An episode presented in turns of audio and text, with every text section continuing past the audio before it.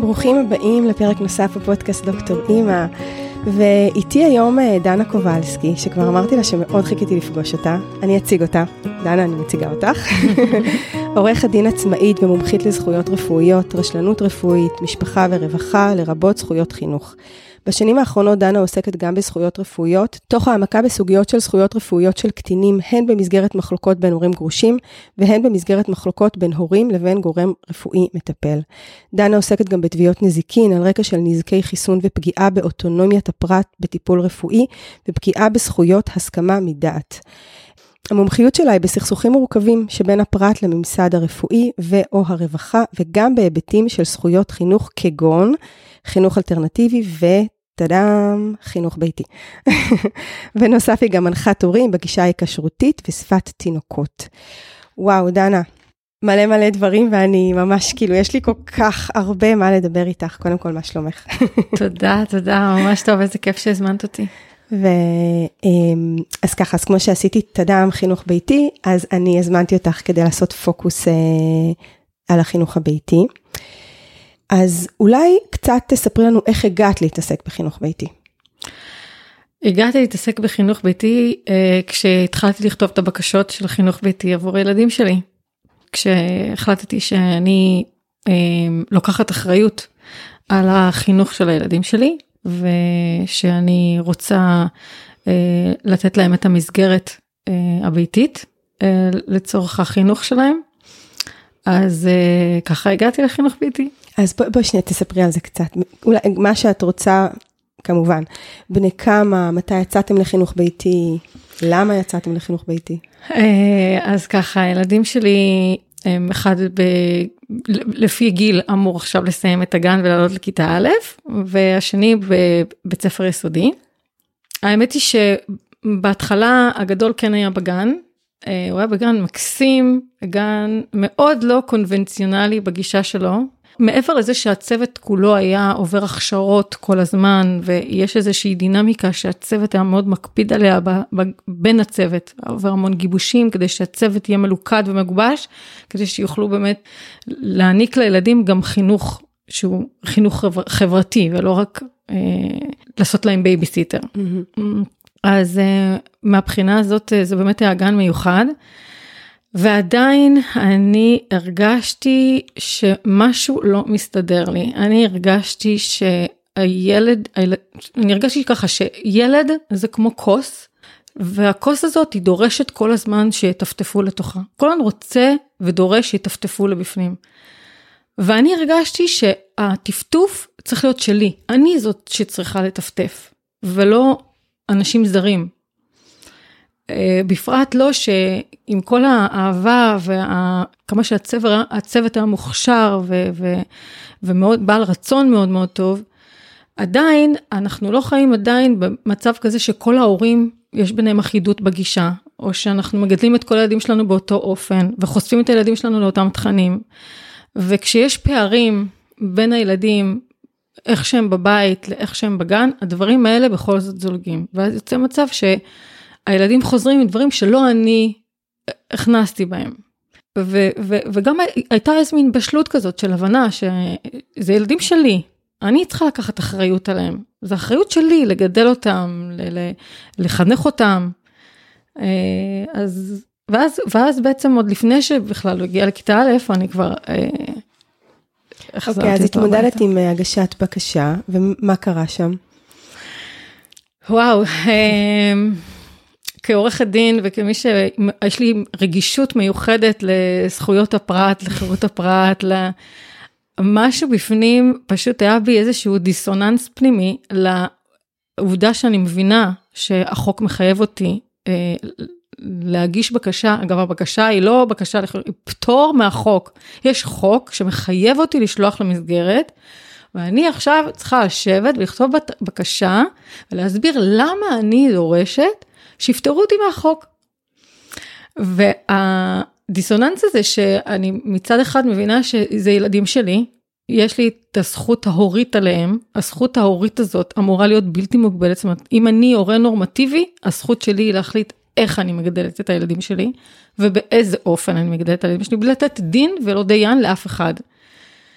לבין המצב החקיקתי שדורש ממני לתת דין וגם חשבון וגם אה, לפתוח את שערי אה, ביתי כדי אה, לאפשר לפיקוח אה, להגיע כחלק מתהליך אישור הבקשה. זה גרם לי אה, גם כעורכת דין, גם כאימא וגם כמי שמאוד מאוד רגישה לנושאים האלה באופן אה, אישי. אה, זה גרם לי לתחושת, תחושות מאוד קשות של ממש חדירה לפרטיות. ממש ממש חדירה לפרטיות, ולא רק חדירה לפרטיות, אלא גם סוג של נגיסה בזכויות ההוריות שלי.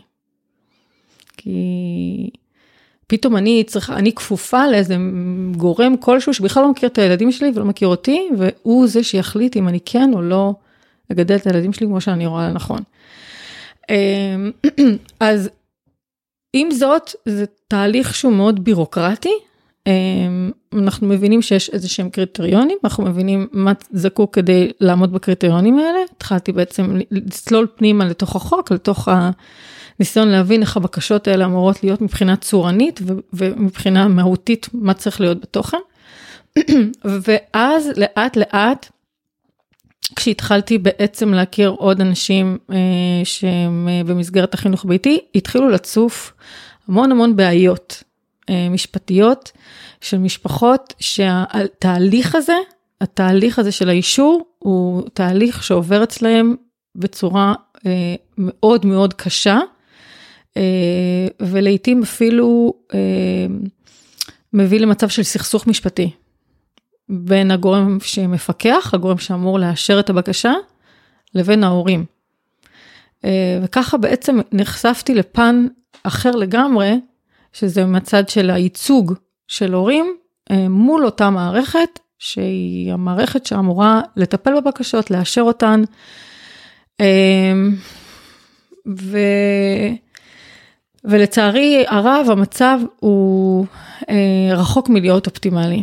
זאת אומרת זה לא רק שאנחנו בעצם אה, עצם העובדה שאנחנו נאלצים לשבת ולכתוב בקשה, אלא גם אה, האופן שבו מבחינה בירוקרטית זה מתבצע הוא גורם המון המון אה, מטרד אה, והייתי אומרת אפילו סוג של לפעמים התעמרות אה, בהורים אה, שלרוב, לרוב, הסכסוכים המשפטיים האלה, הרבה פעמים זה הפעם הראשונה שהם בכלל מגיעים לסכסוך משפטי עם איזשהו גורם, אה, אה, גורם רשמי כלשהו. זאת אומרת, לרוב מדובר בהורים נורמטיביים, זה לא הורים שיש איתם איזה שהם בעיות מיוחדות עם רווחה או משהו כזה, אלא פשוט משהו בתהליך לא עובר טוב. אז אני חושבת שקודם כל זה כל כך חשוב, זה כמעט שליחות זה שאנחנו מביאות את זה ומדברות על זה. אני פוגשת גם המון בעיות של משפחות עם הפיקוח. אני יכולה להגיד שאני עוברת כמה שנים כבר את התהליך הזה. לפעמים הוא נחמד יותר, נחמד פחות, בסוף אני יודעת מה לעשות, מה לכתוב ואיך לעשות את הפרזנטציה פה בביקור המפקחת, ואני איכשהו, זה מצליח ועובר. אבל אני גם נתקלת בכל מיני סיפורים והייתי רוצה שממש נדבר על זה, שבוא נדבר על משפחות שנתקלו בקושי שמהעיניים שלך את אומרת, משפחה נורמטיבית, אף, מעולם לא היו באיזשהו סכסוך משפטי, עניינים של רווחה, מה בכל זאת בתהליך משתבש? קשה לדעת, קשה לשים על זה את האצבע, לפעמים זה, יש תחושה שזה ממש שרירותי, זאת אומרת, אמ, תראה, אני, אני, אני אומר את זה ככה, בסופו של דבר אנחנו מתעסקים עם בני אדם. כמה שאנחנו מדברים על זה שזה מערכת וזה, אה, יש פה דרישות שהן בירוקרטיות ודרישות שהן פורמליסטיות ויש את החוק ואת הלשון. בסופו של דבר מי שאחראי על היישום זה בני אדם. ולפעמים אותם, אה, אה, אותם גורמים, אותם מפקחות או אותן קב"סיות שמגיעות לביקור הביתי, יש איזשהו משהו בתהליך שהוא, אין להם כימיה אולי עם ההורים, או ש... אני אגיד את זה בצורה אחרת.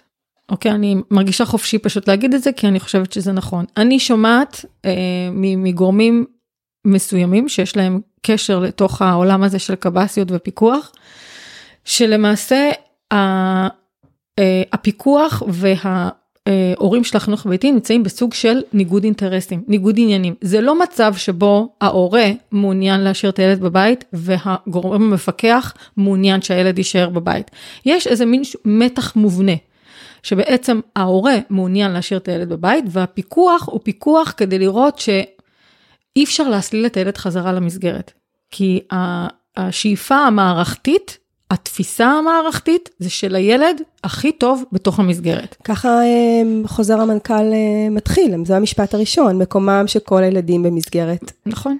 במסגרת. זאת, זאת, זאת, זאת, זאת נקודת המוצא. כן. נקודת המוצא הוא מתח מובנה, ניגוד עניינים מובנה בין הגורם המפקח לבין ההורים.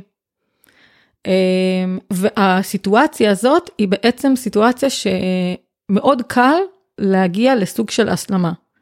אמ, אני מזהה גם שהרבה פעמים יש, אה, אה, יש, אה, אני אומרת את זה בצער, אבל זה המצב, לפעמים יש בעיות עם מגזרים מסוימים, אנחנו רואים שיש לאימהות חד-הוריות, או, ל, או, או למשפחות שבהם ההורים הם גרושים, המשפחות שבהם הפיקוח יהיה הרבה הרבה יותר דורשני והרבה יותר חודרני ופולשני.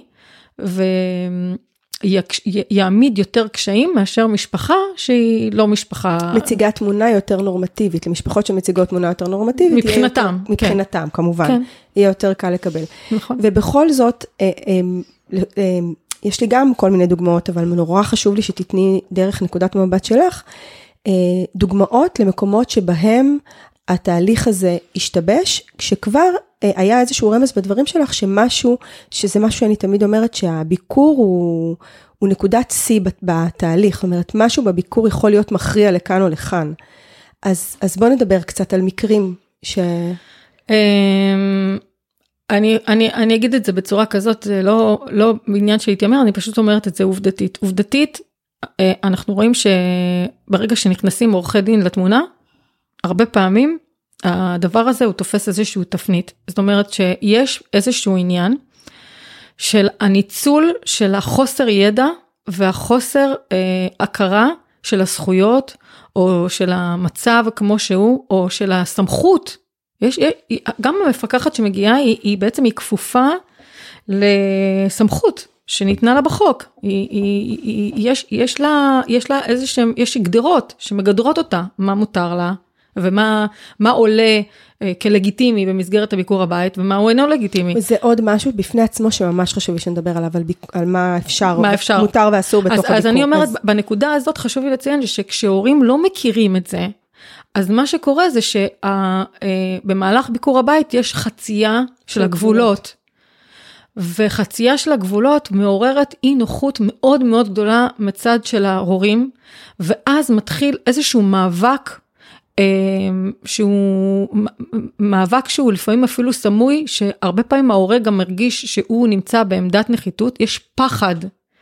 יש ממש פחד מגיעים לבדוק אותו ולראות אם הוא כשיר או לא כשיר. בדיוק, ואז הוא מתחיל לענות על תשובות שבכלל אין סמכות לשאול אותם, וזה מתחיל לסבך אותו.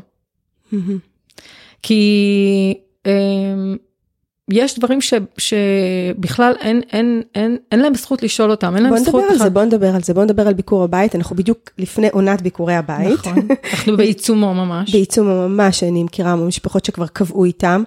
אז בואי נעשה פה משהו חשוב, בואי נדבר על איך ביקור הבית אמור להתנהל, מה מותר, מה, מה לגיטימי, מה לא לגיטימי, וגם אני זוכרת את ההקשר וזה משהו שאני, זה מסר שאני מחזיקה בו חזק, שבסוף זה אנשים, והאווירה בבית וה-state of mind שאנחנו מגיעים הוא מאוד חשוב להצלחה של הדבר הזה, נכון. אבל uh, אני רוצה שכן נדבר על. uh, בשמחה, אז uh, בגדול חשוב להבין שהפיקוח, מטרת הפיקוח זה בעצם לראות את האופן שבו הבקשה שנכתבה בטרם עת היא מיושמת בפועל.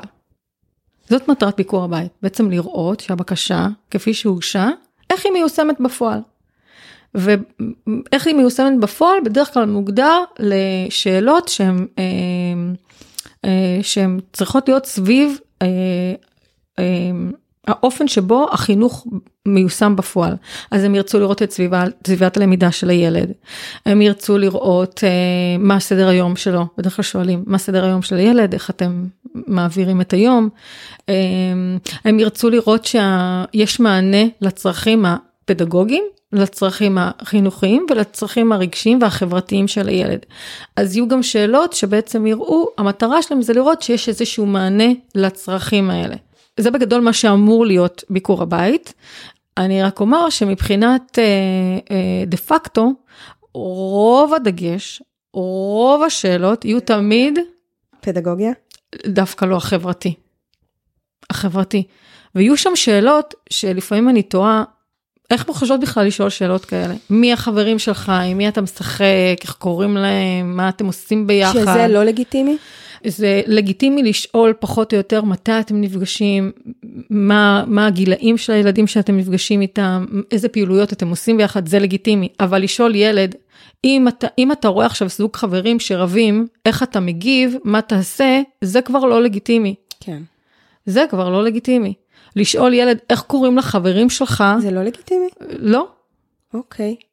מעניין, וואו. כאילו, יש לי כל כך הרבה בצד של הלא לגיטימי, שלא חשבתי שגם את זה להעביר לשם. לדוגמה, אה, שאלה שהילד שלי נשאל, זה, אתה רוצה ללכת לבית ספר? אתה רוצה ללכת לגן? כאלה, אז... אה, אתה מעדיף להיות בבית כן. או בבית ספר? הבן שלי פעם אה, נשאל את השאלה הזאת בפעם האחרונה, ואז הוא אמר, אבל אני לא יודע איך זה בית ספר. את שואלת אותי שאלה כזאת? אני, אני, לא, אני לא מבין, הוא אומר, אני, אני מכיר רק דבר אחד. ואני אוהב את זה. זה מדהים, אז שנייה רגע ניתן עוד, עוד משהו שפשוט עלה לי, אני אסוציאטיבית. אה, הילד שלי נשאל, אה, היית רוצה שיהיו לך עוד חברים? והוא אמר, כן. ואז היא אמרה, אוי, מסכן, משעמם לך בבית. לדוגמה. אז יש כל כך הרבה בלא לגיטימי, שבואי נרחיב את זה ונגיד מה עוד לא לגיטימי שיהיה, וגם הגבול הדק הזה, כי נגיד כששאלו את הילדים שלי, אני זזתי באי נוחות, אבל בחרתי את המלחמות. דברים אחרים שהיו, שמתי גבול מאוד מאוד ברור, שזה לא קורה אצלי בבית, אבל זה, זה מין ריקוד כזה. בואו נדבר רגע על העניין. יש, אה, זה מאוד חשוב לי להסביר את זה גם מבחינה מהותית. אה, את שאלת אותי קודם על המסגרת ועל ה, אה, איך, מה הזכויות של הורים בחינוך ביתי. אתם צריכים להבין שכל ביקור הבית, כל התהליך הזה של בקשת, הגשת הבקשה, בקשת הפטור, מה היא צריכה לכלול, מה צריך להיות בתוכה, איך מגישים אותה, מה המועד שמגישים אותה, כל הסמכויות וכל הדברים האלה זה במסגרת חוזר מנכ"ל. מבחינה נורמטיבית, חוזר מנכ"ל זה נמצא אה, מתחת לחוק. זאת אומרת, זה לא חוק, יש חוק, וחוק הוא אה, במדרג נורמטיבי יותר גבוה. זאת אומרת שאם יש סתירה, אם יש איזשהו מתח, איזשהו קונפליקט, סתירה, בין מה שכתוב בחוזר מנכ"ל לבין איזושהי הוראה שהיא הוראה מכוח חוק, החוק גובר. כי חוק זה חוק, זה חוק שבעצם חוקק על ידי הכנסת בהליך חקיקה ראשי, וחוזר מנכ"ל זה בעצם הוראות שנותן מנכ"ל המשרד הממשלתי, שהוא בעצם נותן הוראות לעובדים שלו איך ליישם את הוראות החוק. חוזר המנכ"ל הוא לא מחייב נורמטיבית את ההורים, אלא מחייב את העובדים של המשרד, של אותו מנכ"ל שנתן את ההוראה. לצורך העניין, זה שאנחנו מגישים את הבקשות באופן בירוקרטי, אנחנו עושים את זה באופן בירוקרטי, כי ככה זה, זה, זה, זה, ככה זה כתוב, בסדר, אבל מי שכפוף בעיקר להוראות חוזר המנכ"ל זה עובדי משרד החינוך, כי, כי חוזר המנכ"ל ניתן על ידי מנכ"ל משרד החינוך. ובעניין הזה כשיש מתח בין איזושהי הוראת חוק, תכף את תביני למה אני מתכוונת, בין איזושהי הוראת חוק לבין חוזר המנכ"ל, החוק גובר. לאן זה מוביל? יש חוק שנקרא חוק הכשרות המשפטית והאפוטרופסות. במסגרת חוק הכשרות המשפטית והאפוטרופסות ניתנת בעצם אה, חובה על הורים להגן על הילדים שלהם ולעשות כל דבר שהם צריכים כדי לשמור עליהם, לשמור על האינטרסים שלהם, לדאוג לחינוך שלהם, לדאוג לשלמה, לשלמות הגוף שלהם, לבריאות שלהם, זה חובה שמוטלת על ההורים לדאוג ולשמור על האינטרסים של הילדים הקטינים שלהם. עכשיו, כשמגיעה מפקחת ורוצה לדבר עם ילד בן שלוש או בן ארבע או בן חמש, או ילד אפילו יותר גדול שיש לו קושי לדבר עם זרים, אם ההורה יודע שהקושי הזה גורם למצוקה לאיזושהי בעיה של הילד, לדבר עם בן אדם זר, להרגיש שבעצם הוא, זה מכניס אותו לקונפליקט, זה מכניס אותו לבעיה, זה גורם לו למצוקה אפילו רגשית, ההורה מחויב למנוע את זה. למנוע את זה במובן של אפשר לענות במקום הילד, ואפשר גם להגיד כמו שזה, תקשיבי, את בן אדם זר, הילדים שלי לא מכירים אותך. יש לי משפחה אחת שאני מכירה טוב, שקיבלה סירוב לבקשה, כי הילדה לא הייתה מוכנה לדבר עם המפקחת ונכנסה לחדר וסגרה אחריה את הדלת. מה עושים? פונים לעורך דין. אוקיי. זאת אומרת, זה, זה אחת השאלות שרציתי לשאול אותך, מה ה... מתי, מתי לפנות לסיוע משפטי? שהתהליך מתחיל להסתבך? אני אגיד את זה בצורה כזאת, אם יש לכם אה, הרגשה לא טובה אחרי ביקור הבית, עוד לפני בכלל שהגעתם למצב של ה... זה, אם יש איומים במהלך ביקור הבית, שזה דבר שקורה, לצערי הרב, אני אומרת את זה עוד פעם, בכאב, אבל זה, זה פשוט ככה, אני, אני לא עכשיו באה להכפיש, פשוט זה המצב. הרבה הורים נמצאים במצב שמאיימים עליהם במהלך ביקור הבית. ממש מאיימים עליהם, הם ממש מרגישים ש, ש, שיש מצב שהרשויות אה, אה, אה, יפעלו כנגדם בגלל הדברים שקרו בבית. כשיש הוראות, מין הערות כאלה שהן לא לגיטימיות, למשל, מישהי שסיפרה לי פעם שהייתה מפקחת שאמרה לה, יש לך פה יותר מדי עציצים בבית. יותר מדי, יש פה יותר מדי, אין מקום בבית, הבית הזה ממש ממש קטן, הבית הזה לא מתאים. את חשבת פעם לעבור בית? וואו, וואו, וואו. אז הדבר הזה, הדבר הזה, כשזה, כשדבר כזה קורה, כשאתם מרגישים שהביקור היה ביקור שהוא לא בא כדי בעצם לראות איך הבקשה שלכם מיושמת, אלא ביקור שבו אתם כל הזמן נמצאים תחת ביקורת, תחת עוינות, תחת אה, אה, שיפוטיות. ממש שיפוטיות ואיומים. במצב הזה כדאי באמת לפנות לעורך דין עוד לפני שבכלל אה, קיבלתם את ה... את התשובה. את התשובה. אני יכולה להגיד שאני מכירה המון ביקורים שהתנהלו, שהאימהות יצאו ממש בפוסט טראומה, ובסופו של דבר התקבל אישור. אני מנסה לחשוב בעניין הזה, כי מצד אחד אני אומרת, המטרה שלי מבחינת כל התהליך הזה, זה לקבל שקט ואישור לעוד שנה. בסוף, מה שחשוב לי זה איך אני מנהלת החינוך הביתי שלי, שם רוב המשאבים שלי מושקעים, והתהליך הזה מציק יותר, מציק פחות, אני עוברת אותו, עושה אותו חכם, עושה אותו נכון, כדי שיניחו לי. אין לי שום אינטראקציה עם המערכת, אני לא רוצה את היחסים, זאת אומרת, זה משהו שאני כפופה לו, ואני רוצה שקט. אז אני שואלת את עצמי שוב על, על המקום הדק הזה, אם אני מרגישה קצת לא נוח, אם כבר... כי זה יכול להסתבך אחר כך, זה ה... הכוונה היא לא ללכת לעורך דין כדי שעורך דין ייכנס לתמונה ויתחיל לאיים עליהם מצד שני, להתייעץ. אלא בעצם להתייעץ ולהבין, ול... והרבה פעמים עורך דין שמבין ומכיר את, ה... את, ה... את החוק ומבין את המצב המשפטי, המשמעות המשפטית של מה שקרה בבית, עורך דין יכול לעזור לנתח את המצב הזה. הוא יכול בעצם להתכונן ולדעת אם האישור יגיע כאישור חלקי, או אישור על תנאי, או לא אישור בכלל, אז בעצם יש כבר איזושהי הכנה שהיא בעצם אה, גם נעשית מה שנקרא הלחם, אני גם מאוד ממליצה לכם הורים להקליט את המפגש. ואם אתם לא מקליטים את המפגש, אז באותו רגע שיש איזשהו משהו, כשהמפקחת הולכת או שהקב"סית הולכת, תשבו ותכתבו את הדברים, כדי שזה יהיה טרי. כי ככל שעובר הזמן, כן. אנחנו יותר... שיהיה תיעוד. שיהיה תיעוד, שיהיה תיעוד, שזה יהיה אה, ברור מה היה ומה קרה ואיך בדיוק ומי אמר ומה אמר. שזה יהיה פשוט מתועד. או אם זה בכתב או אם זה בהקלטה או, או מה שלא יהיה. ודבר נוסף שאני רוצה להגיד בהקשר הזה, זה שאני גם כמשפטנית, כשאני קוראת את חוזר המנכ"ל, אני קוראת אותם בעיניים בעצם אחרות. ואת אמרת קודם איזושהי נקודה שהיא בעיניי מאוד חשובה, שבסופו של דבר רוב ההורים אומרים, אנחנו רק רוצים שהדבר הזה יעבור. המטרה שלנו זה לעשות מה שצריך, תנו לנו את האישור, ואני שוכחת מזה עד השנה הבאה. ואני רואה שבתוך חוזר המנכ"ל יש כבר איזה שהם, אה, מה שנקרא זרעים, שכל המטרה שלהם זה לגרום לסוג של הפרד ומשול. זאת אומרת שיוצרים פה מצב, זה גירושים. שהם, כן, כאילו יוצרים פה מצב, למשל, כל העניין הזה למשל שאסור לנו ללמד את הילדים בקבוצות. סליחה, מה זאת אומרת אסור ללמד את הילדים בקבוצות? כי מבחינתם זה סוג של בית ספר אלטרנטיבי. אבל בסדר, אבל ילדים לומדים בקבוצות כל הזמן, יש להם כל מיני חוגים, יש להם כל מיני זה, זה, זה, זה, מה זה עניינם בכלל? איך, איך יכול להיות מצב שבו ילד חונך, מה שנקרא, גדול חונך צעיר, שלפעמים ילדים שהם דווקא בגילאים אחרים אחד מהשני, הם לומדים טוב יותר ביחד. זה יכול לקרות, זה יכול להיות. אז עוד פעם, אני אומרת, יש פה דברים שהם גם, גם, גם משפטית הם חסרי היגיון. אז קודם כל אני, מה שנקרא, אומרת את זה כאילו כמשפטנית, אבל זה באמת אה, עצה שלי גם בכלל לכל ה... מי שתמצא בחינוך הביתי, אנחנו צריכים יותר לשאוף להיות כקהילות, כי אנחנו צריכים לעזור גם אחד לשני. גם במהלך כל העניין הזה של ביקור הבית, אתם לפעמים תגלו שיש הרבה דברים שהם מאוד מאוד דומים, אה, בין מפקחות מסוימות, או בין קב"סיות מסוימות, דברים שהם חוזרים על עצמם. העובדה הזאת שאנחנו לא יודעים מה קורה אחד אצל השני, היא באה בעוכרינו. נכון. היא באה בעוכרינו, אנחנו לא יודעים למה לצפות. אנחנו לא יודעים מה זה, ולפעמים אני רואה את זה כעורך הדין, אני רואה שיש במקומות מסוימים, או מפקחות מסוימות או קב"סיות מסוימות, שיש איתם יותר בעיות.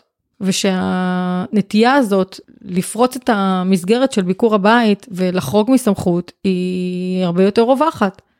הביקורתיות הזאת, השיפוטיות, את לא חושבת ש, שטוב לה יותר אה, בבית הספר, בגן, בגן, זה, זה גילאי הגן, זה כן. באמת, זה... מישהי אמרה עכשיו, בעונה הזאת, לאחת האימהות, היא לא תהיה אימא של שבת, את אה, מודעת לחוסר שהיא תחווה? אז יש באמת גם הרבה הומור, אבל אני חושבת שיש uh, כמה דברים, אבל דבר ראשון, שאני מזהה שהתקשורת עם, uh, עם המשרד היא, היא די דיכוטומית, או שיש מאבק או שיש ניתוק. הרי בסופו של דבר, אם אני מקבלת אישור, אני יכולה לעשות מה שאני רוצה. Mm-hmm. אף אחד לא נמצא פה. Mm-hmm. אני לא, אין פה מצלמות האח הגדול, mm-hmm. זה לא... עד לשנה הבאה... אל תתני להם רעיונות. כן. בואי, זה לא... לא נראה לי שאנחנו כל כך אה, מעניינים אותם כן. בסופו של דבר, אנחנו די uh, זבוב מציק. אז אני אומרת שזה או מאבק או ניתוק. בסוף, שוב, כמו שאמרתי, רוב המשאבים מופנים לחינוך הביתי. ואני שמחה מאוד שאת כמשפטנית כן יכולה להתעסק במקומות שהזכויות שלנו כקהילה נפגעות. ואני כן מחזירה אותנו לרגע לביקור הבית, כי אחד הדברים שיותר אה, מפריעים להורים בתוך הביקור ויש שם יותר עמימות, זה בנושא שדווקא הדידקטי, כי גם אצלי הם בחנו את הילדים, אבל כמובן לא הציגו להם מבחנים סטנדרטיים, כי זה אסור. אבל כן שאלו שאלות, כמה זה, זה כפול זה, כמה זה, זה, את יודעת. כל מבחן. כן, ת, תביא לי ספר, תקריא לי. Um, השאלה איפה פה הגבול עובר, מה לגיטימי, מה לא לגיטימי, אני יכולה להגיד שאני שמתי גבול פה בבית, שהיא רצתה שהוא יכתוב איזשהו טקסט, אז היא אמרה לו, בוא תשב פה, תכתוב, ואחותו הגדולה הלכה לי, היא אמרה, אה, סליחה, לא, הוא לבד. אמרתי לה, או-הו, רגע, אנחנו לא ב... היא לא בחדר מורים, הכל בסדר. אצלנו בבית האחים עושים אחד עם השני דברים, ולא נתתי לה אופציה שהוא יכתוב לבד. אז, אבל יש... גם כל... בכלל הנקודה הזאת, אסור לה לבחון אותו. אז אסור לה... היא לא גורם בוחן, כן. היא לא באה כדי להעמיד אז אותו. אז זה ו... חשוב, חשוב, חשוב, דנה, כי רוב המפקחים מבקשים מהילדים אה, להציג איזה שהם, אה, הם, הם רוצים לראות משהו. אם הם נותנים תרגילים בחשבון, אפילו בעל פה, או שהיא שואלת אותו הפכים, זה היה בגילאים צעירים יותר, או שהיא מבקשת ממנו להביא ספר שהוא אוהב, היא רוצה שהוא יקריא לה עמוד. אז לא להסכים לזה, לא יודעת, אני פשוט... עוד פעם, הקו פה הוא בעצם היכולת של הילד להתמודד עם הסיטואציה הזאת. כן, אם. אם אנחנו רואים שהילד, יש ילדים פעולה. כאלה שהם כן. סבבה, אוהבים, שסבתא באה, הם פותחים את הספר, קוראים לה בקול, אוהבים את זה, זה טוב להם, זה כיף להם, הם מרגישים חופשי ומרגישים טוב עם זה, אז אדרבה, בוא שב, אני מכירה מישהי שהילד מאוד מאוד אוהב לעשות הצגות, ואוהב לעשות שירים, ואוהב לעשות מופעים, ו... בסדר, אם הילד אוהב, כן. והילד נהנה מזה, וזה חלק מהפרסונליטי שלו, אז אפשר לתת לילד להביע את עצמו. אבל אם אנחנו יודעים, ורוב הילדים הם כאלה, שזה מעמיס עליהם, שזה גורם להם לסטרס, שזה גורם להם לאיזושהי מצוקה פנימית, רגשית, שמעמידים אותם בצורה כזאת, שבן אדם זר מגיע ומתחיל לבחון אותם, החובה שלנו כהורים זה לשים לזה גבול. אסור לנו לתת להם לגרום לילד לחוש מצוקה. לשים okay, את הילד במצוקה. אוקיי, אז איזה כלים יש לפיקוח? אה, באיזשהו אופן, אם הוא רוצה לבדוק שאני מיישמת את מה שכתבתי. בואי תגידי לי, מה את רוצה שהוא יקרא? כשאת תלכי, אני אעשה סרטון, אני אצלם אותו. מעולה, בואי תגידי אותו עוד פעם, אני, אני אומרת אותו הרבה. אם המפקחת רוצה לראות איזושהי אה, יכולת שהיא באה לידי ביטוי, ואנחנו יודעים שהילד, הוא, זה יגרום לו למצוקה לעשות את זה בפניה, אנחנו אומרים לה בואי תגידי לי מה את רוצה בדיוק, מה, איזה קטע את רוצה שהוא יקרא בספר, כשאת תלכי אני אצלם אותו, אני אערוך סרטון שלא קורא את הקטע הזה ואני אשלח לך אותו כתוצר. זה לגיטימי. בואי תגידי לי איזה שאלות במתמטיקה את רוצה לשאול אותו, אני אחר כך אשב איתו, אני אסריט אותו, אני, אני אראה לך אותו פותר, אני אשלח לך אחר, אחר כך את, ה, את החוברת שהוא עשה את התרגילים האלה, אני, אני אצלם ואני אשלח לך. זאת אומרת, הם כן יכולים להסתפק בתוצרים. זה גם חלק מחוזר המנכ"ל. הם אמורים, אגב, אני הרבה פעמים שומעת שהם רוצים לבחון את הילד, וכשבאים אליהם עם התוצרים, הם מעיפים את זה כאילו זה לא מעניין אותם. הם לא מעוניינים בכלל לראות את התוצרים, לא מעוניינים בכלל לראות מה הילד עושה. המשפחות יושבות ומכינות את החוברות עבודה ואת הציורים ואת כל ה... ואת, ה, ואת החוברות עבודה במתמטיקה ואת, ואת הכל, מכינות את הכל. לא וכשהם מגיעים, לא מסתכלים, לא, לא מעניין אותם בכלל. אז למה לשים את הילד בכזאת עין בוחנת? בן אדם שבכלל לא, הילד לא מכיר אותך בכלל. אני יכולה להגיד לך שיש גם כאלה שהן אחרות. יש כאלה, נכון. וגם אני באופן אישי נתקלתי בהם, שהן מבינות את הביישנות, ומבינות את חוסר הרצון לשתף פעולה, והן בעצמן אומרות, לא, זה בסדר, זה בסדר, הוא לא מכיר אותי, זה בסדר, הכל טוב, הכל בסדר. יש כאלה שהן ממש ממש רגישות, אבל אנחנו לא מדברים על אלה, נכון. שבעצם יש להם הבנה של הסיטואציה המאוד מאוד מורכבת שהן נכנסות אליה. אנחנו מדברים על אלה שבעצם אה, מגיעות חדורות מטרה, בלי להבין את הרגישות של הסיטואציה הזאת. ומה שזה אומר גם מבחינת הילדים וגם מבחינת ההורים שלהם. והתפקיד שלנו כהורים, כבעלות הבית, זה לשים, לשים, את, ה, לשים, לשים את הגבול. כן, להיות ממש החוצץ, המגן. אה. ושוב, כמו שאת אומרת, יש את הילדים האלה שמשתפים פעולה, יש לי אחד כזה פה, שהוא הלך עם המפקחת עוד, הוא ליווה אותה עד לשער והמשיך לדבר איתה, ויש את מי שהוא מתכווץ לגודל של אפון כל פעם שזה, כל ביקור כזה, זה מאוד מאוד מקשה עליו. ילד קטן שמתחבא מתחת לספה, ילד קטן שמתחבא בחדר ולא רוצה לצאת, זה לגיטימי. מדובר באישה זרה שהילדים שלכם לא מכירים. זה לגיטימי שהם לא ירצו לשתף איתה פעולה. אתם יכולים אפילו להפוך את זה ולהגיד, הילדים שלי, אנחנו כל כך uh, מלמדים אותם, הם, הם כל כך רגילים לקשרים מתמשכים, לקשרים לטווח הארוך, לקשרים שהם נוצרים בצורה טבעית, לא, אני מלמד אותם לא לדבר עם זרים. אני מחנכת את הילדים שלי שיהיה בן אדם זר, לא לדבר עם בן אדם זר, את בשבילם בן אדם זר. הוא כל כך uh, הגיוני. לא נכון, לא, לא אמרו לנו כל הזמן לא לדבר עם זרים? לגמרי. לא, שבן אדם זר ניגש אליך ברחוב, הילד אמור לדבר איתו, להתחיל לשתף אותו, להתחיל... ילדים אמורים בעצם להבין שיש איזשהו גבול, שהם, שבן, שהם בן אדם זר, אתה לא, אתה לא אמור לגשת, אתה לא אמור, לדבר, לא אמור לתת לו בכלל אה, פתח לשאול אותך שאלות ולהתחיל לחקור אותך. זה יכול להיות בן אדם שמנצל אותך, זה יכול להיות בן אדם שרוצה להזיק לך. אז מה שונה? מה זה שאת באה לפקח, את, את עדיין אותו בן אדם זר? כן, אולי יש איזה בלבול כזה, כי היא נכנסת אלינו הביתה, ואנחנו כהורים היא מצפה שאתם תכינו את הילדים ותגידו להם, היא תבוא, תשתפו איתה פעולה, תענו לה, תגידו כן. לה, היא מצפה שזה יהיה. מפקד, זה לא נכון, לא אבל זה לא הסיפור. נכון. אין לה, אין לה פרובוגטיבה כזאת, לא מצד אה, חוזר המנכ"ל, ובטח ובטח לא מצד אה, החוק שבעצם אה, קודם כל מטיל חובה על ההורה להגן על הילד. קודם כל. זה, זה דבר ראשון. עוד דבר ששמעתי, שגם חשוב לי להגיד אותו בהקשר של אה, אה, חריגה מסמכות, המפקחת והקב"סית לא יכולות להסתובב לכם בבית על דעת עצמן. זאת אומרת, לא יכול להיות מצב שאתן נמצאות כרגע עם הילד, עם, לא יודעת, נניח עם הקב"סית, והמפקחת לוקחת לעצמה את החירות להתחיל להסתובב לכם בבית, כן, לטייל בבית, הרבה. להיכנס לחדרים, לפתוח את הדלתות, להסתובב, בזמן שאתן נמצאות עם הקב"סית ועונות לה על שאלות. כן, זאת... כבר קרה שביקשו, תראה לי איפה אתה ישן. כשזה קורה, כשזה קורה, מה, שאתם, מה שצריך לעשות, סליחה שאני מדברת בלשון נקבה, כי הרבה פעמים זה האם אני נמצאת איתם בבית, אבל זה נכון שיש גם אבות שאחראים על היישום של החינוך הביתי. אז אה, לכן אני מדברת בלשון נקבה, אבל אני מדברת לשני המינים באותה, באותה מידה. מה שצריך לעשות במקרה הזה, זה לעצור רגע את התשובה, אה, שיחה, שיחה עם הקב"סית ולהגיד, ולעצור ולהגיד, אוקיי, את רוצ, אתם רוצות שנעצור רגע את הרעיון ונעשה סיבוב בבית? כאילו, אתם רוצות עכשיו לעשות את הסיבוב בבית? אתם רוצות עכשיו לראות את סביבת הלמידה? לא לאפשר לגורם זר להתחיל לטייל לכם בבית.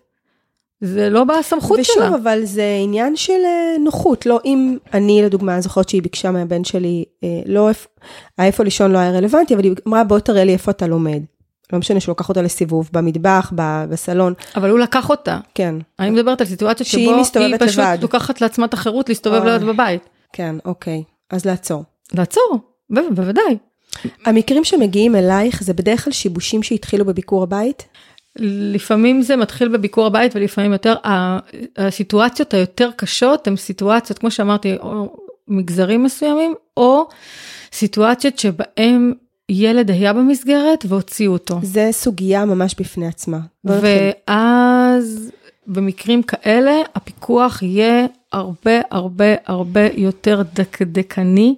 והפיקוח, הביקור הבית יהיה בדרך כלל הרבה פחות נעים, האווירה תהיה פחות נעימה, כי כל הזמן יהיה איזשהו מצב של ניסיון להחזיר, להחזיר חזרה את הילד למסגרת.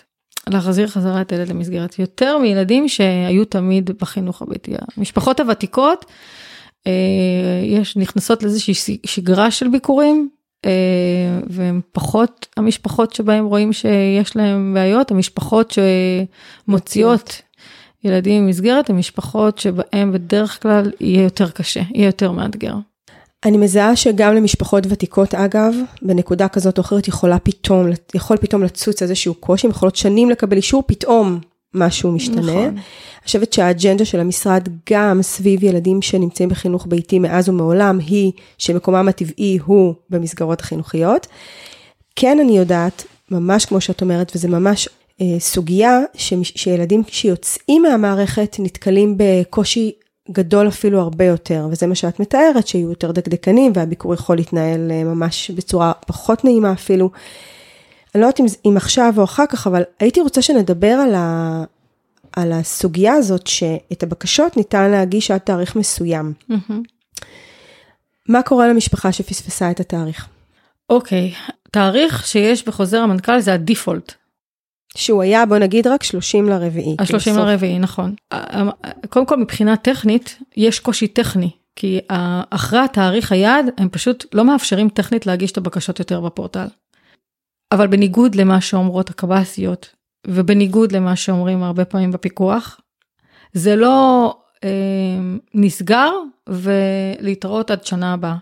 אם יש איזושהי סיבה טובה שבגינה הבקשה לא הוגשה בזמן, בהחלט אפשר להגיש גם אחרי, זה, זה יותר מורכב, זה תהליך בירוקרטי שהוא אחר, אבל זה כן אפשרי, למרות שאני, עוד פעם אני חוזרת כי אני שומעת את זה כל הזמן, שכשפונים לקב"סית, היא בדרך כלל, או למפקחת, הם בדרך כלל יגידו, מצטערת. אין, אין ברירה, תשלחי את הילד לדבר. אה. תשלחי את הילד, שנה הבאה. לא.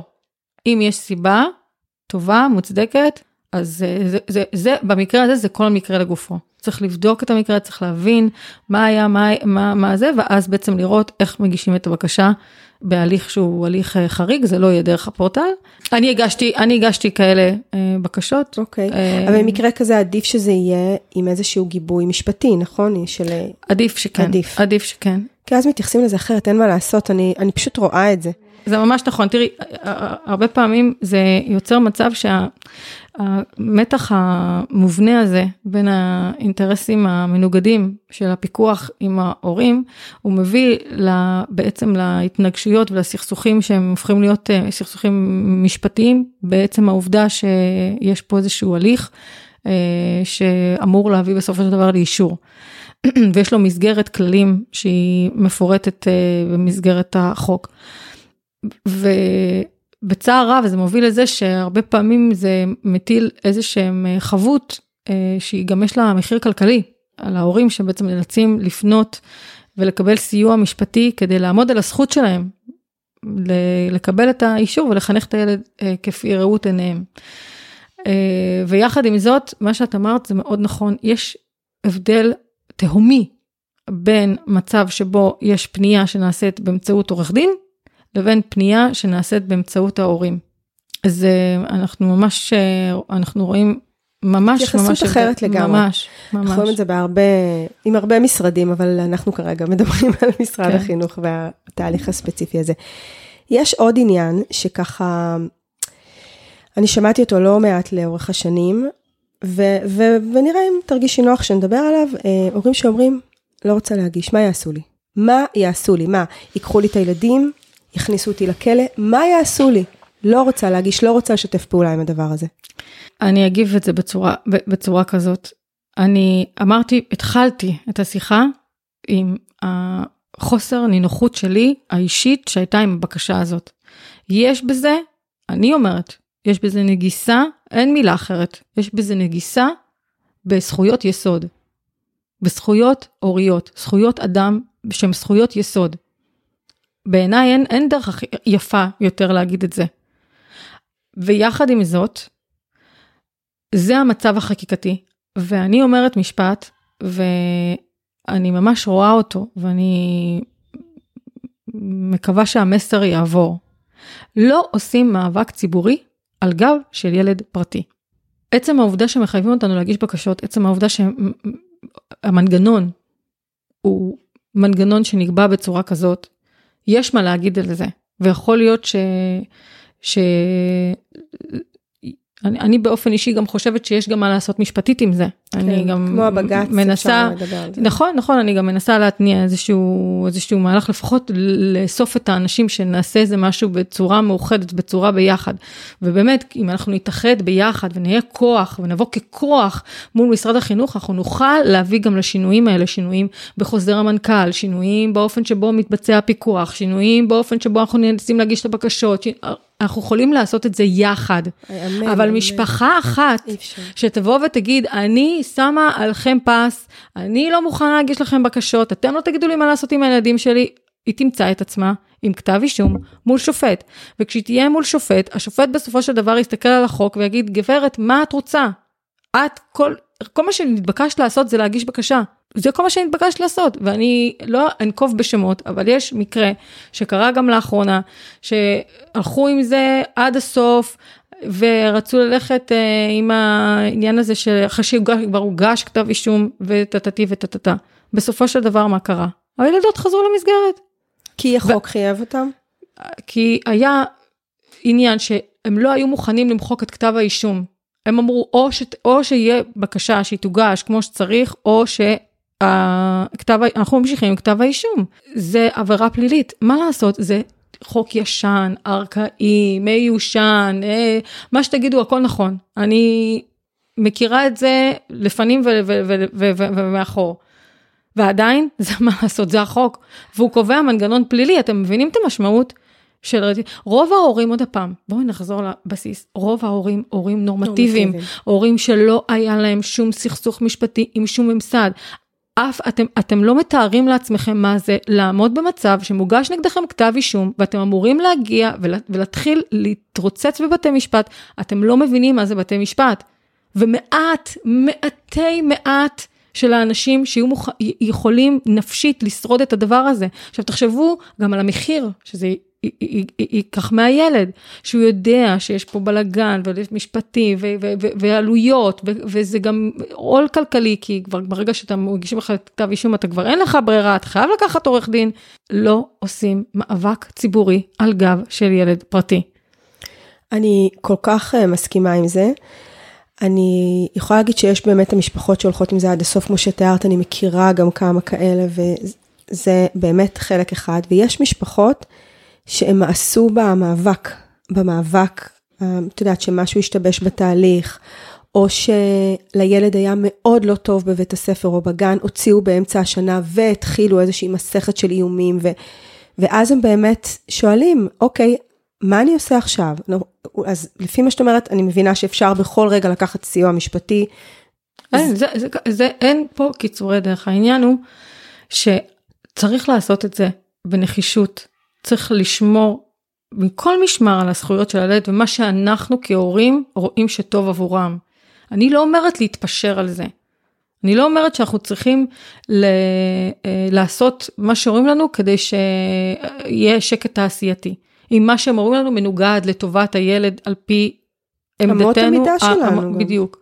כן. אבל יש דרך לעשות את זה, וצריך לעשות את זה בצורה, מה שנקרא, נכונה, ולעשות את זה בצורה מסודרת, ו... ו, ו ולעשות את זה גם בצורה שתיטיב, בסופו של דבר המטרה, יש לנו מטרה, נכון? רוצים להגיע לאיזושהי תוצאה.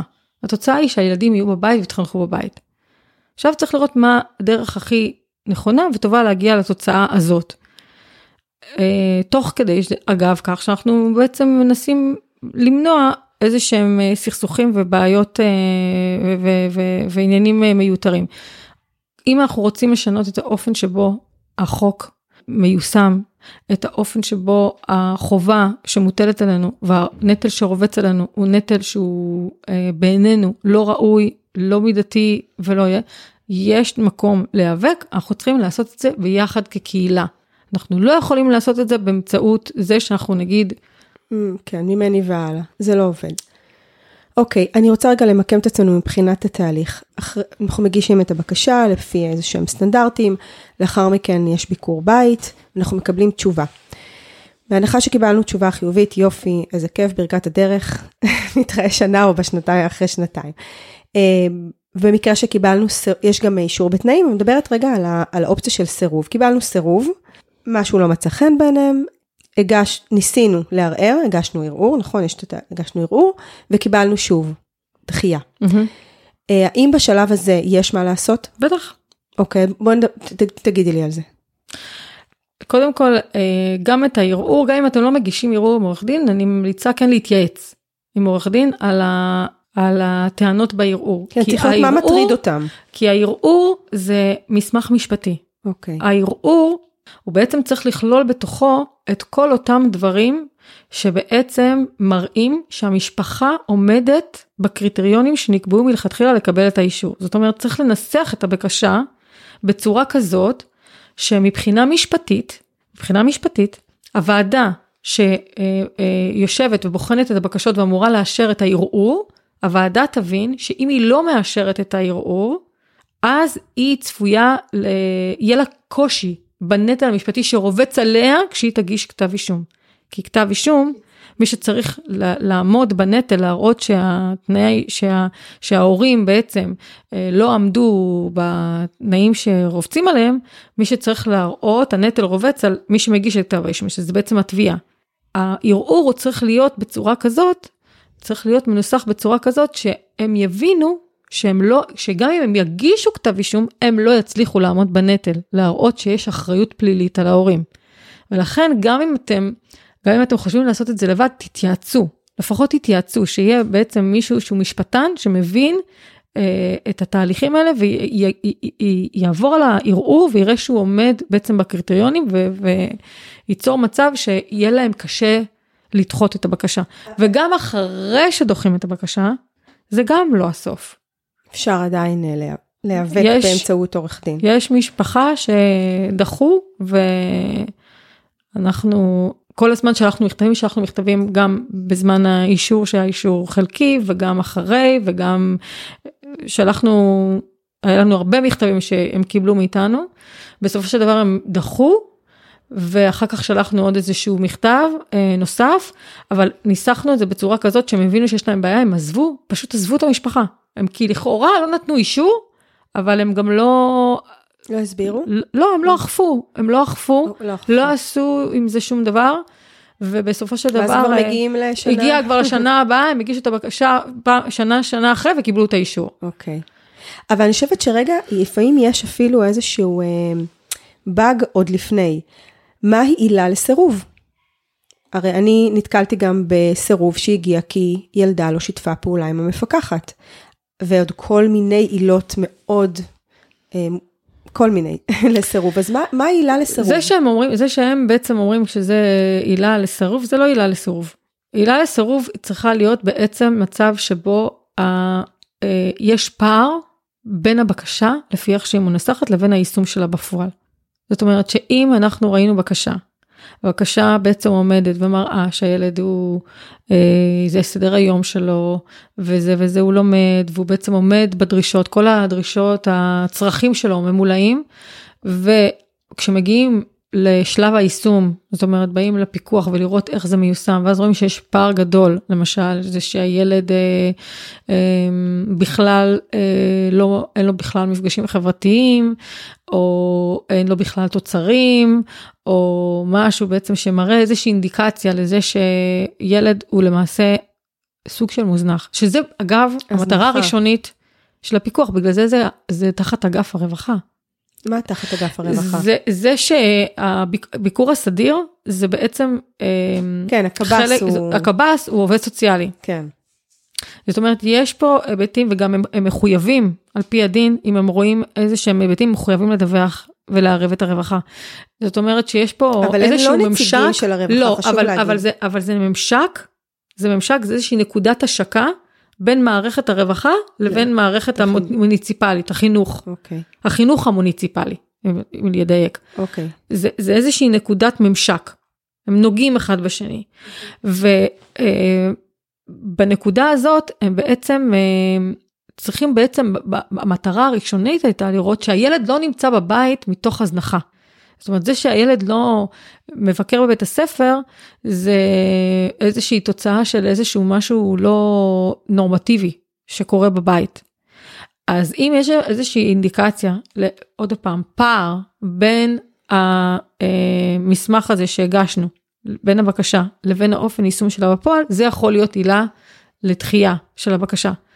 אבל מה שאת תיארת זה לא שיש פער, אלא שהיא פשוט לא הייתה מסוגלת ל- לראות שמה ש...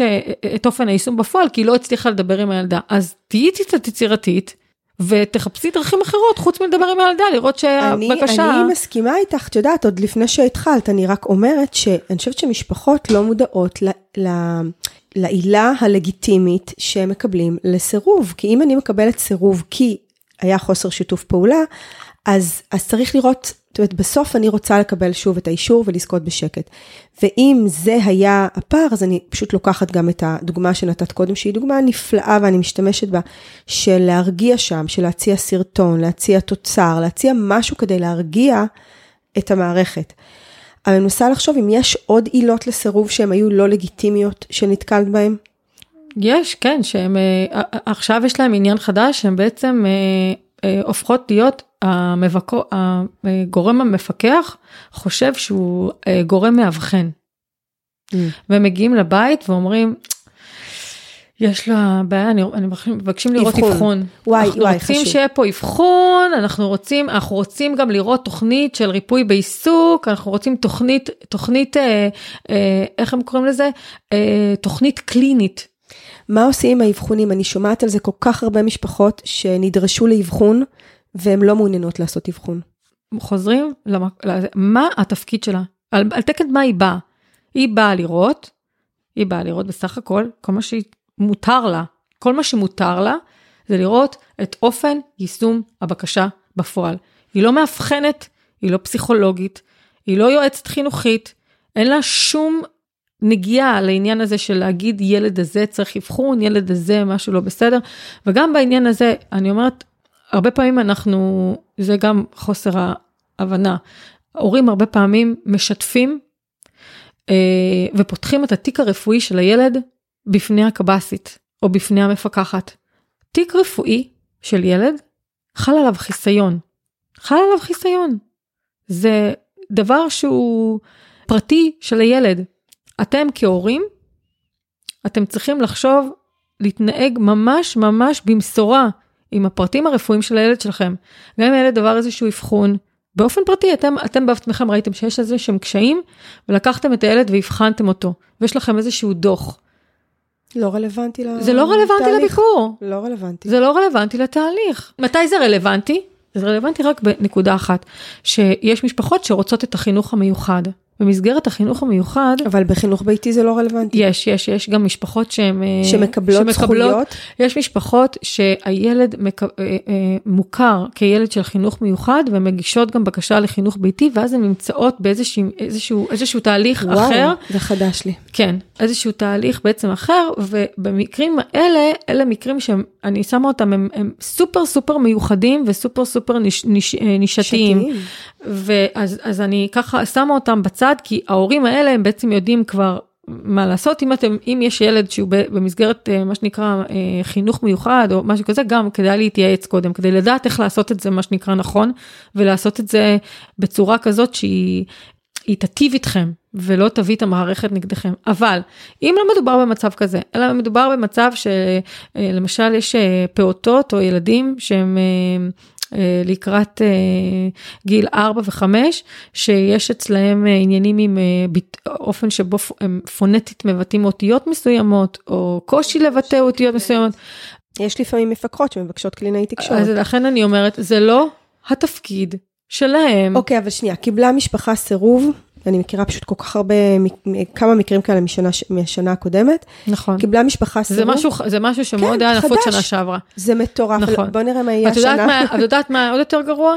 שזה היה קופי פייסט של אותו מכתב. אני ראיתי הגיעו אליי פשוט כן, אותו מטורף. מכתב, קופי פייסט, אותו תאריך, אות, פשוט אותו מכתב. אז מקבלת אה, משפחה, כי אני לא יודעת מה הולך להיות השנה, אבל אני ממש זוכרת שזה היה ככה שנה שעברה כמה משפחות שקיבלו גם את אותו נוסח, שבעצם הן מקבלות סירוב, ו, אמ, והפירוט היה שהן מסרבות אה, להציג אבחון כזה או אחר. מה עושה משפחה? כאילו, זה, זה עורך שוב דין. עורך דין. אה, מיד. אוקיי. מיד. אוקיי. כי תבינו, אני צריכה שתבינו פשוט מה, תביני למה אני אומרת את זה. זה מה שאמרתי, זה מתקשר למה שאמרתי קודם על הממשק שיש, שזה מערכת רווחה שהיא נושקת למערכת החינוך. אם הם סבורים שיש פה ילד עם צרכים מסוימים ושהצרכים האלה לא באים לידי מענה, שזה בעצם המטרה שהם אומרים בעצם, לכו תאבחנו או תביאו לנו תוכנית של, אה, של ריפוי בעיסוק mm-hmm. או אה, תקשורת קלינית או מה שלא יהיה. זה עלול להוביל למצב שאם אתם לא כביכול עושים את זה ולא ומזניחים את זה ומשאירים את זה כמו שזה, הם עלולים אחר כך לטעון שיש פה בעצם. סוג של הזנחה. כן, אבל היו שם כמה אבסורדים ממש... לא, לא רלוונטיים, כי משפחה שנדרשה לעשות אבחון של קשב וריכוז, ובאה ואמרה, אמא, על... ונגיד ויש פה איזה, איזשהו קושי. זה לא רלוונטי, הוא לא במערכת, אז על, על שום מה, ילד בן שלוש וחצי שעדיין לא דיבר, אבל הם מדברים נכון. שתי שפות בבית. בדיוק, זה גם קורה, אני בדיוק באתי להגיד לך את זה. שילדים ילדים בגיל השלוש עד שש, שיש אה, שתיים ואפילו שלוש שפות בבית, אה, הרבה פעמים אה, כשיבואו לדבר איתם, אז יהיה להם איזה שהם הערות על האופן שבו הילד מדבר, או מבטא אותיות מסוימות. וגם פה, קודם כל אתם צריכים להגיד, הילד דובר יותר משפה אחת.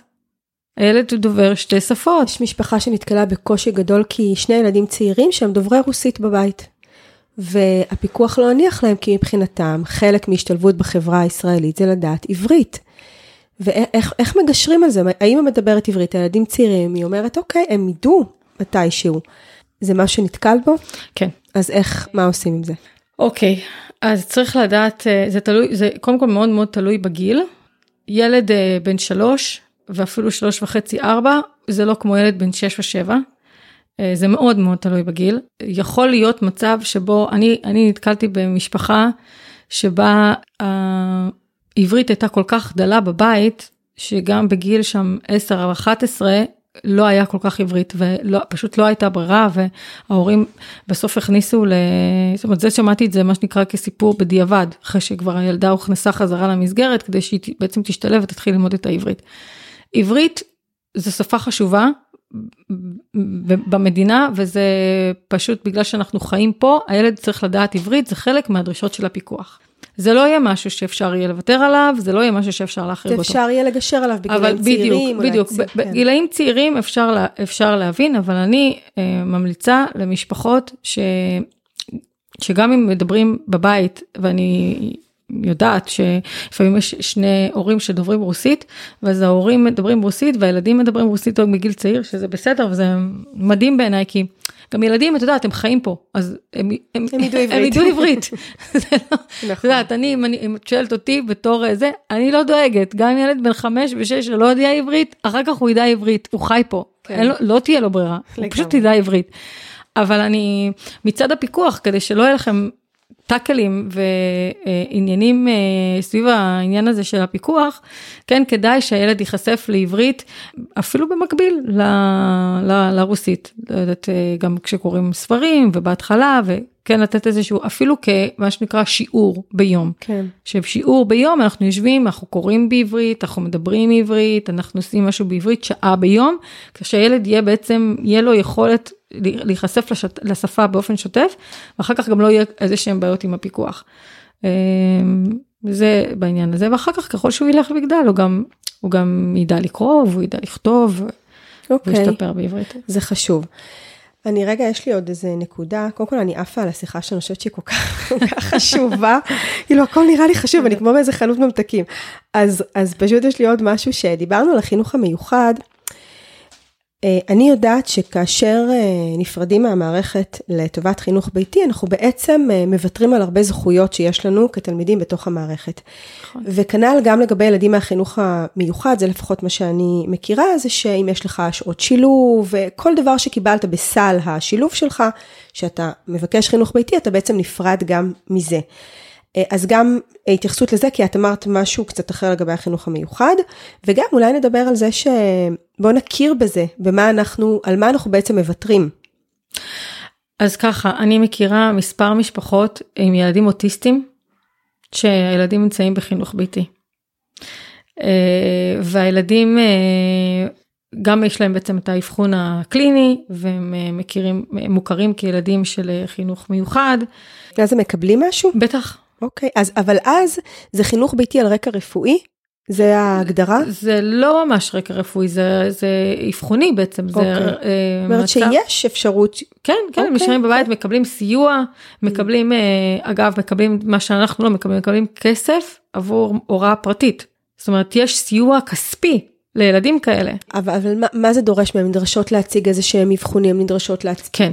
אוקיי, זאת אומרת שהן נדרשות כן. ליחסים וקשר עם המערכת נכון. סביב...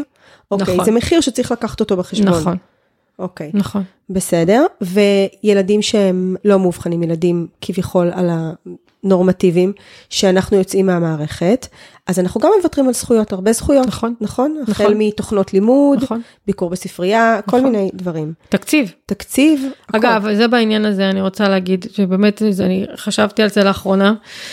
אחר כך בסוף אני אגיד שפתחתי אפילו קבוצת וואטסאפ כדי לראות אה, איך אנחנו יכולים לעשות את זה. תראו, אה, בכל מה שקשור לתקציבית, זכות התקציב שילד מקבל כשהוא נמצא במסגרת, נכון, יש תקציב לכל ילד, תקציב פר ילד. שזאת אחת הסיבות גם שיש מתח בין המערכת לבינינו, כי כל ילד כזה הוא שווה כסף בסופו של דבר. שנייה רגע סוגריים, ילד שבחינוך ביתי, איפה הכסף שלו נמצא? מוחזק, הרי אנחנו אין. לא מקבלים אותו. אנחנו לא מקבלים אותו. איפה הוא, הוא, הוא נשאב הוא- זה ב- בדיוק במשרד. האוצר? אה, הוא- לא, הוא לא מקבל אותו, הוא לא רואה אותו. לא, אנחנו לא רואים אותו, זה בטוח, אבל איפה הוא נמצא? הרי גם, גם המועצה לא מקבלת אותו. בעיקרון, בעיקרון משרד החינוך מקבל את, התק, את התקציבים האלה, והוא אמור בעצם ל, אה, לצאת את זה, אה, לחלק את זה פר ילדים, אלא שמשרד החינוך לא מתקצב את החינוך הביתי. איפה הכסף אבל- שלנו? במשרד? משרד כן, החינוך, הוא כן, תקוע במשרד כן, החינוך. מה זה תקוע? הם פשוט לא, זה לא, זה לא, זה לא תקציב, אין לזה, זה לא ראש של איזשהו כסף שהם צריכים, לת- שהם מבחינתם צריכים לתת אותו. אבל אוקיי. אני אומרת, בעניין הזה, עוד פעם, משפטית, הזכות לקבל תקציב היא לא זכות של ההורה, היא זכות של הילד. אז מה זה משנה איפה הילד נמצא? אם יש איזשהו אבל תקציב... זה גם, זה צריך לה- להתאג- להתאחד, להתאגד, וזה מאבק נכון. משפטי. נכון.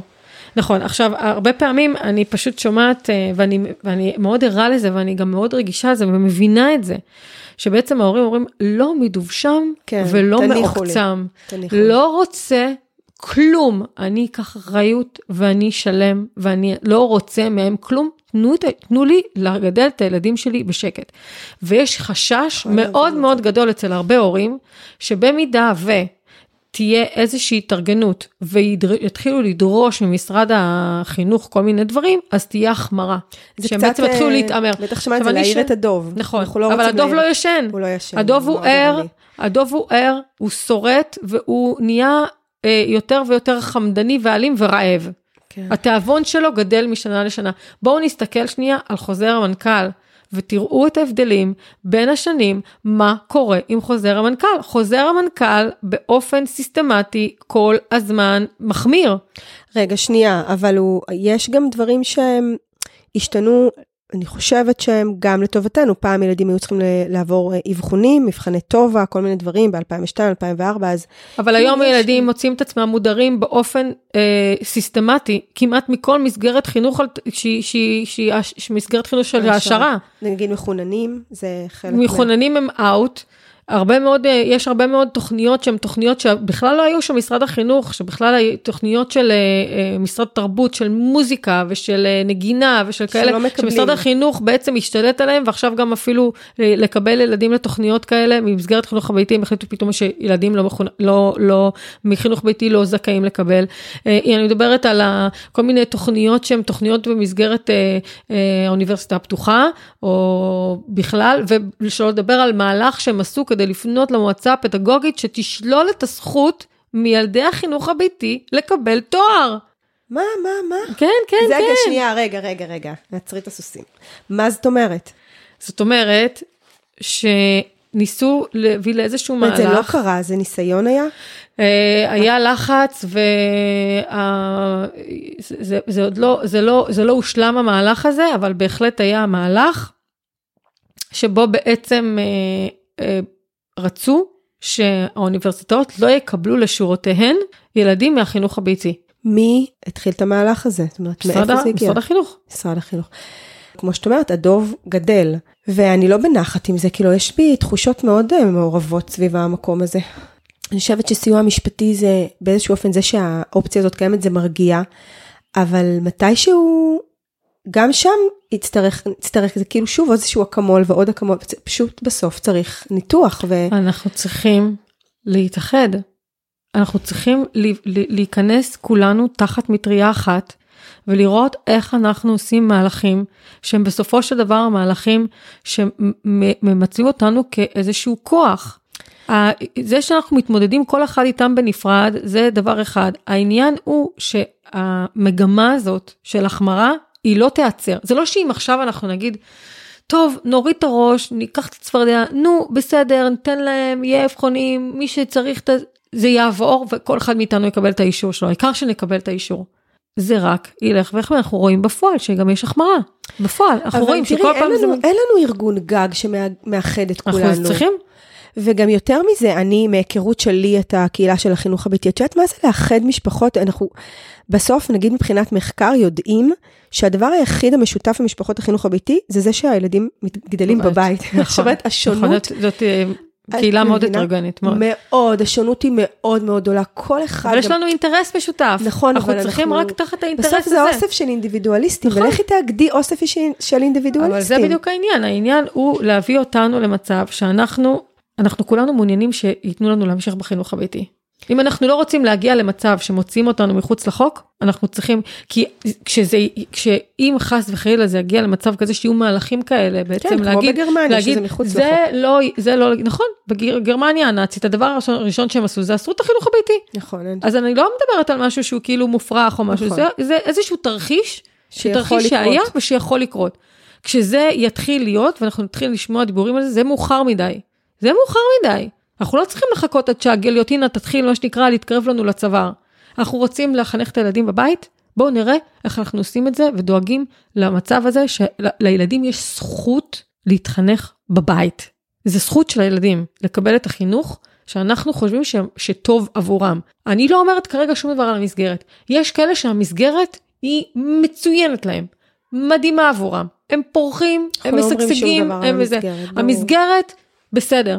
יש ילדים שבשבילם המגזר, המסגרת זה מלחמת הישרדות, זה גזר דין, זה כלא, זה כלא.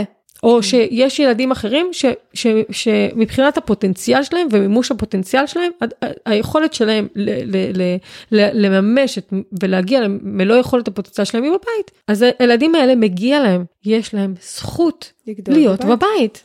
אז אנחנו צריכים בעצם לחשוב לא צעד, לא, לא, לא צעד אחד קדימה, כמה צעדים קדימה. לא, ויש לנו נטייה כל הזמן לחיות את הכאן ועכשיו. אוקיי, אז, אז, אז החוזר המנכ"ל הוא כזה, אוקיי, בסדר, אוקיי, זה יותר גרוע, אבל אנחנו יכולים לעמוד בזה. אנחנו חיים את הכאן ועכשיו.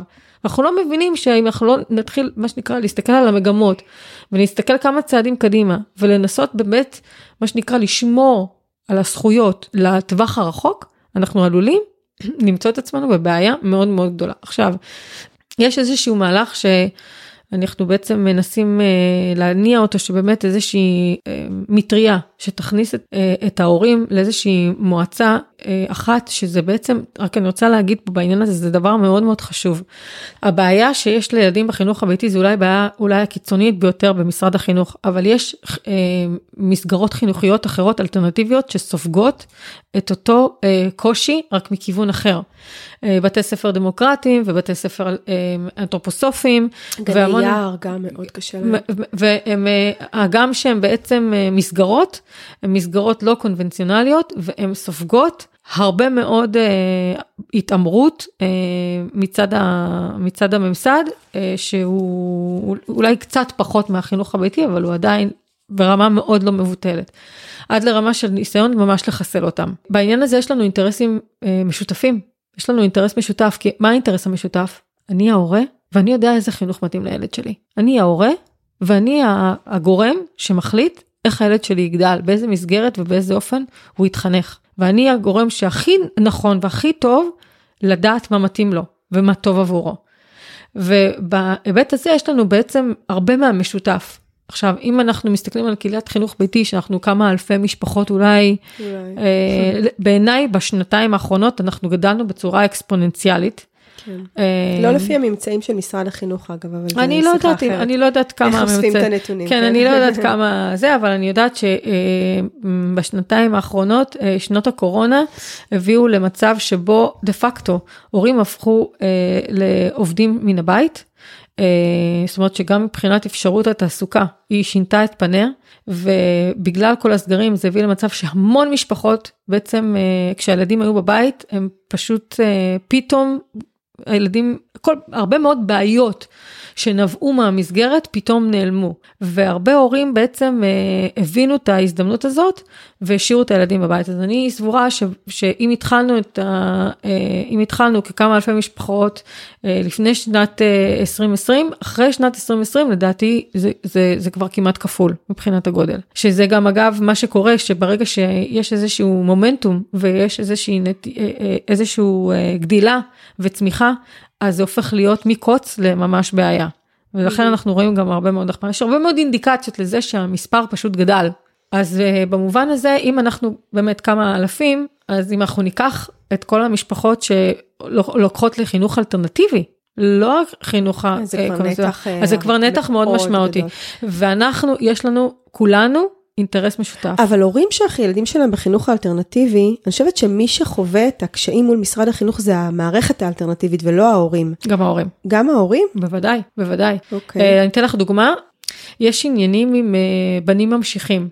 שמנסים לעשות כל מיני uh, עניינים שבעצם ש, שלא יהיה מצב שכאילו הילד, יש ילד אחד במערכת ואז מגיע הילד השני שאמור להיכנס למערכת ופתאום אין לו קדימות, הוא כאילו לא, לא יכול לזה ואז בעצם עושים הפרדה בין הילדים וזה נורא. אני מכירה את זה מהדמוקרטי פה אצלנו שרוצים לשנות את זה, זה עד היום היה ככה. ועכשיו משרד החינוך התערב ואומר לא, הוא, לא. הוא התערב להרבה, כן. וזאת הסיבה שהם התחילו בעצם... אה, הבנתי, כל... יש עוד דוגמאות כאלה שההורים נפגעים מה... מעצם היות... גן היער שהם סגרו? כן. ההורים התארגנו, אספו כספים, אמרו, אנחנו לא צריכים מכם כלום, אנחנו נממן את זה, אנחנו נעשה את זה, נביא את הגן, הכל, אנחנו נעשה הכל. ומה אמר, אמרו להם? ב, ב, לא. למה לא? ככה. לא. כי המערכת לא פתוחה לאלטרנטיבות אחרות, כאילו, אז, אבל זה בדיוק הנקודה, אנחנו צריכים להבין שזה לא עניינה של המערכת. זה לא עניינה של המערכת. אנחנו הורים נורמטיביים, אנחנו יודעים מה טוב לילדים שלנו. אנחנו צריכים להיות אלה שנדאג לממש אה, את טובת הילדים שלנו. המערכת היא מאוד תבניתית, היא שבלונית.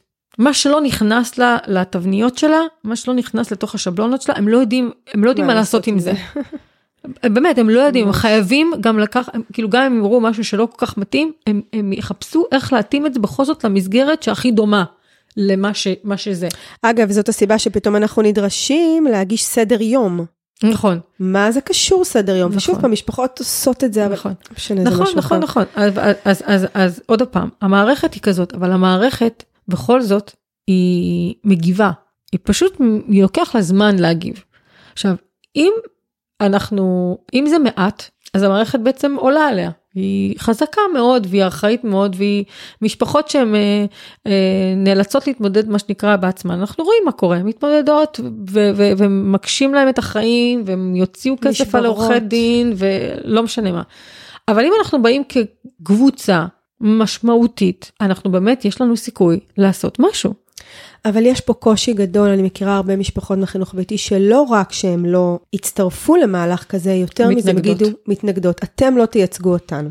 אני יודעת. ואני יכולה להבין את זה, את יודעת, מכל מיני טעמים, יש גם אנשים שאני מכירה בסדר, מקרוב. בסדר, אז ו... לא, אין אז... מה לעשות, הם לא רוצים, אבל הם לא יכולים להגיד לנו, כי בסופו של דבר אנחנו לא באים לפגוע בחינוך הביתי, אנחנו לא באים לפגוע בזכות שלהם לגדל את עצמם כמו שהם רוצים, אנחנו רוצים לשמור ולהגן על הזכויות של הילדים להתחנך באופן שאנחנו רואים לנכון. וזה לא משנה אם זה חינוך ביתי או אם זה חינוך אה, אלטרנטיבי אחר. טוב, לי זה מאוד, אה, את יודעת, גם בכלל, אני, אני מסכימה עם זה, אני חושבת שמהלך של הרבה משפחות יכול להביא לשינוי. אני חייבת... צריכים לה... לעשות את זה בעדינות ובמשורה כן, וכמו שצריך. כן, ואני חייבת להגיד שבכוכבית אני גם מפחדת, את יודעת, בסוף שאתה נכנס למשהו כזה, אתה... אתה כאילו לא יודע מה יהיו התוצאות של אה, מהלך כזה, בסוף מול איזה שופט אתה עומד, ו... אנחנו עוד לא מדברים על תביעה. כן, בינתיים אנחנו, מדברים על, בינתיים אנחנו מדברים על קודם כל להכניס, אותנו, להכניס את עצמנו למצב שאנחנו... כוח. בדיוק, חוברים אחד לשני. כמו שאמרת, בדברים הקטנים, אם, אם יהיה לנו איזשהו בייס של נתונים, אפילו על אה, מפקחת כזאת או אחרת, אנחנו... זה כוח. נכון. זה כוח, אנחנו נדע להיערך, אנחנו נכון. נהיה ביחד, נכון. אנחנו... אפילו מה שעשינו כאן, זה שככה הבאת בכזאת נדיבות את, ה, את, ה, את, ה, את הידע שלך ואת הניסיון שלך, ואני קיבלתי המון ביטחון מה, מהדברים שאת אומרת, כי פתאום חזר, חזר אליי הכוח.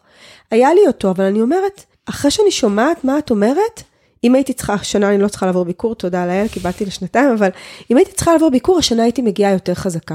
כי, כי הביקורים האלה, כמה שאני אה, עושה אותם ביד רמה, אפשר לומר, אני לא נהנית, כאילו, את יודעת, זה כן, כן, לא כיף לי שבאים אליי הביתה. נכון. לא כיף לי שהוא מבקש. זה מאוד פולשני, זה פולשני, זה חודרני. וה, והדברים שאני נתקלתי בהם שאמרו לי, כאילו זה, זה לא כיף לי, אני כל שנה... כן. למה הילד ישן איתכם? למה הוא לא בחדר משלו? למה הוא ישן עם האח שלו? צריך להבין מה, מה מותר להם מה המסגרת שלהם וכל הזמן לשמור על זה שזה בעצם יהיה בהגדרות המקובלים ותזכרו עוד הפעם. חוק הכשרות המשפטית והאפוטרופסות שמטיל חובה על הורה לשמור על הילד שלו ולהגן עליו, הוא גובר על חוזר המנכ"ל. הוא גובר על אם יש איזושהי התנגשות, אפילו שמותר לפי חוזר מנכ"ל, מותר לה לשאול את הילד שאלות לא בנוכחות ההורים. אבל אם אני יודעת, מותר לשאול לא כן, לא בנוכחות הורים? לפי חוזר מנכ"ל, כן. אבל רגע, אבל אני חושבת שזה ילדים בוגרים יותר, גם ילדים צעירים. לא כתוב שם תאר, לא, לא, לא כתוב שם גיל. עסק. את יודעת שאחד הדברים שאני הבנתי לגבי החוזר מנכ"ל החדש, זה שיש שם עמימות מכוונת. נכון. נכון? אני הבנתי, אוקיי. נכון. וזה מקשה. אה, אוקיי, אז בעצם בהקשר הזה, אם אנחנו מרגישים שלילד שלנו לא נוח באיזשהו אופן, מחובתנו לשמור עליו. לשמור על הילד שלנו. לשמור עליו, כן.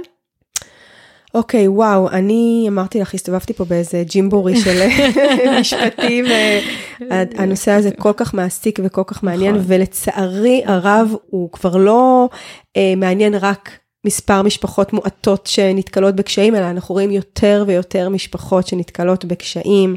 כי החינוך הביתי כולו תחת מתקפה. זה נאיבי לחשוב שזה משפחה כזאת או אחרת, שאולי אצלהם היה משהו, זה, בינתיים אנחנו רואים את זה קורה במשפחות מסוימת שמצליחים למצוא אותם על משהו, אבל הם מחפשים את כולנו. זאת הנקודה, הם מחפשים את כולנו. רק יש כאלה שיותר קל להם להיתפס ומוצאים משהו, להיתפס עליו. כן. אתם מבינים? זאת הנקודה. אנחנו כולנו, בעיקרון, אנחנו לא מייצגים משהו שהמערכת מעוניינת בו. ואם אנחנו לא נשמור על עצמנו, מה שנקרא באמת, מה שנ, נהיה רק לצורך הדברים שקשורים בזכות שלנו לחינוך ביתי, רק לצורך זה, למימוש הזכות לגדל ילדים כמו שאנחנו רואים לנכון, אם, אם בזה אנחנו נשכיל להתגבש, אנחנו, יהיה לנו יותר קל לשמור על הזכויות של הילדים שלנו, מאשר שכל משפחה תתמודד עם הקושי שלה לבד. זה בשורה התחתונה. כל כך חשוב מה שאמרת עכשיו, בעיניי זה גם uh, ככה סוגר לנו את ה... כמעט את השיחה. אני אשאל אותך אם יש עוד משהו שאת רוצה להוסיף לשיחה שלנו. אה, לא, אני רק מאחלת לכולם הצלחה בשנת הלימודים הבאה, שתהיה שנה טובה ופוריה לילדים ולהורים, ו- וזהו, ובאמת שנצליח, שנצליח אה, לשנות אה, פרדיגמה.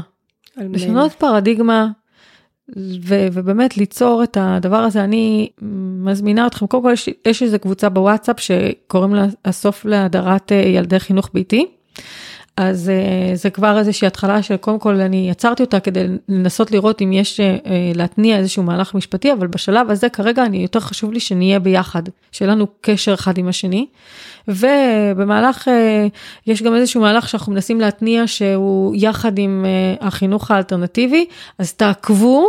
רגע, איך, איך, איך מגיעים אלייך, איך עוקבים אחריך, אני גם אשים לינקים, אבל תגידי גם מי שרוצה לחפש אותך. אוקיי, okay, אז uh, קודם כל יש uh, את הפייסבוק שלי, אה, דנה סרבי קובלסקי בפייסבוק באנגלית. אה, אני אשאיר אצלך פרטים, אימייל שלי, מספר טלפון, מי שיצטרך אה, איזושהי עזרה משפטית בעניין הזה. Okay. או... אוקיי. גם דרך הפייסבוק וגם אם מישהו רוצה פרטים אישיים יותר ממש להגיע לדנה, אז אפשר, דנה תשאיר אצלי פרטים ואני אתן בשמחה. ודנה, תודה רבה שהגעת ושדיברנו, אותי. ואני הייתי כל כך ערנית כל השיחה.